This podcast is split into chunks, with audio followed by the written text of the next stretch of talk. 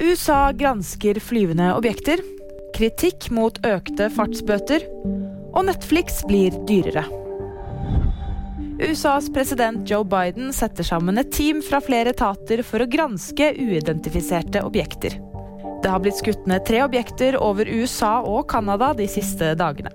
John Kirby, talsmann for Bidens nasjonale sikkerhetsråd, sier mandag at de ikke har noe klart svar på hva disse objektene er. Men Det hvite hus understreker at det ikke er noe som tyder på at de er utenomjordiske.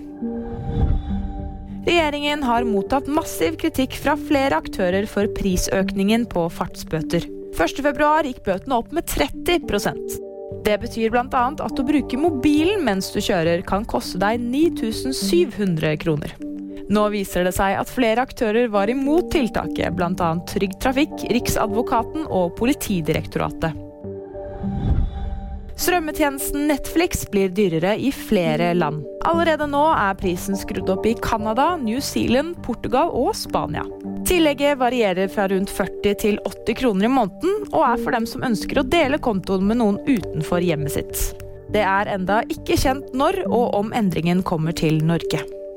Det var VG nyheter, og de fikk du av meg, Fride Rivø Lie.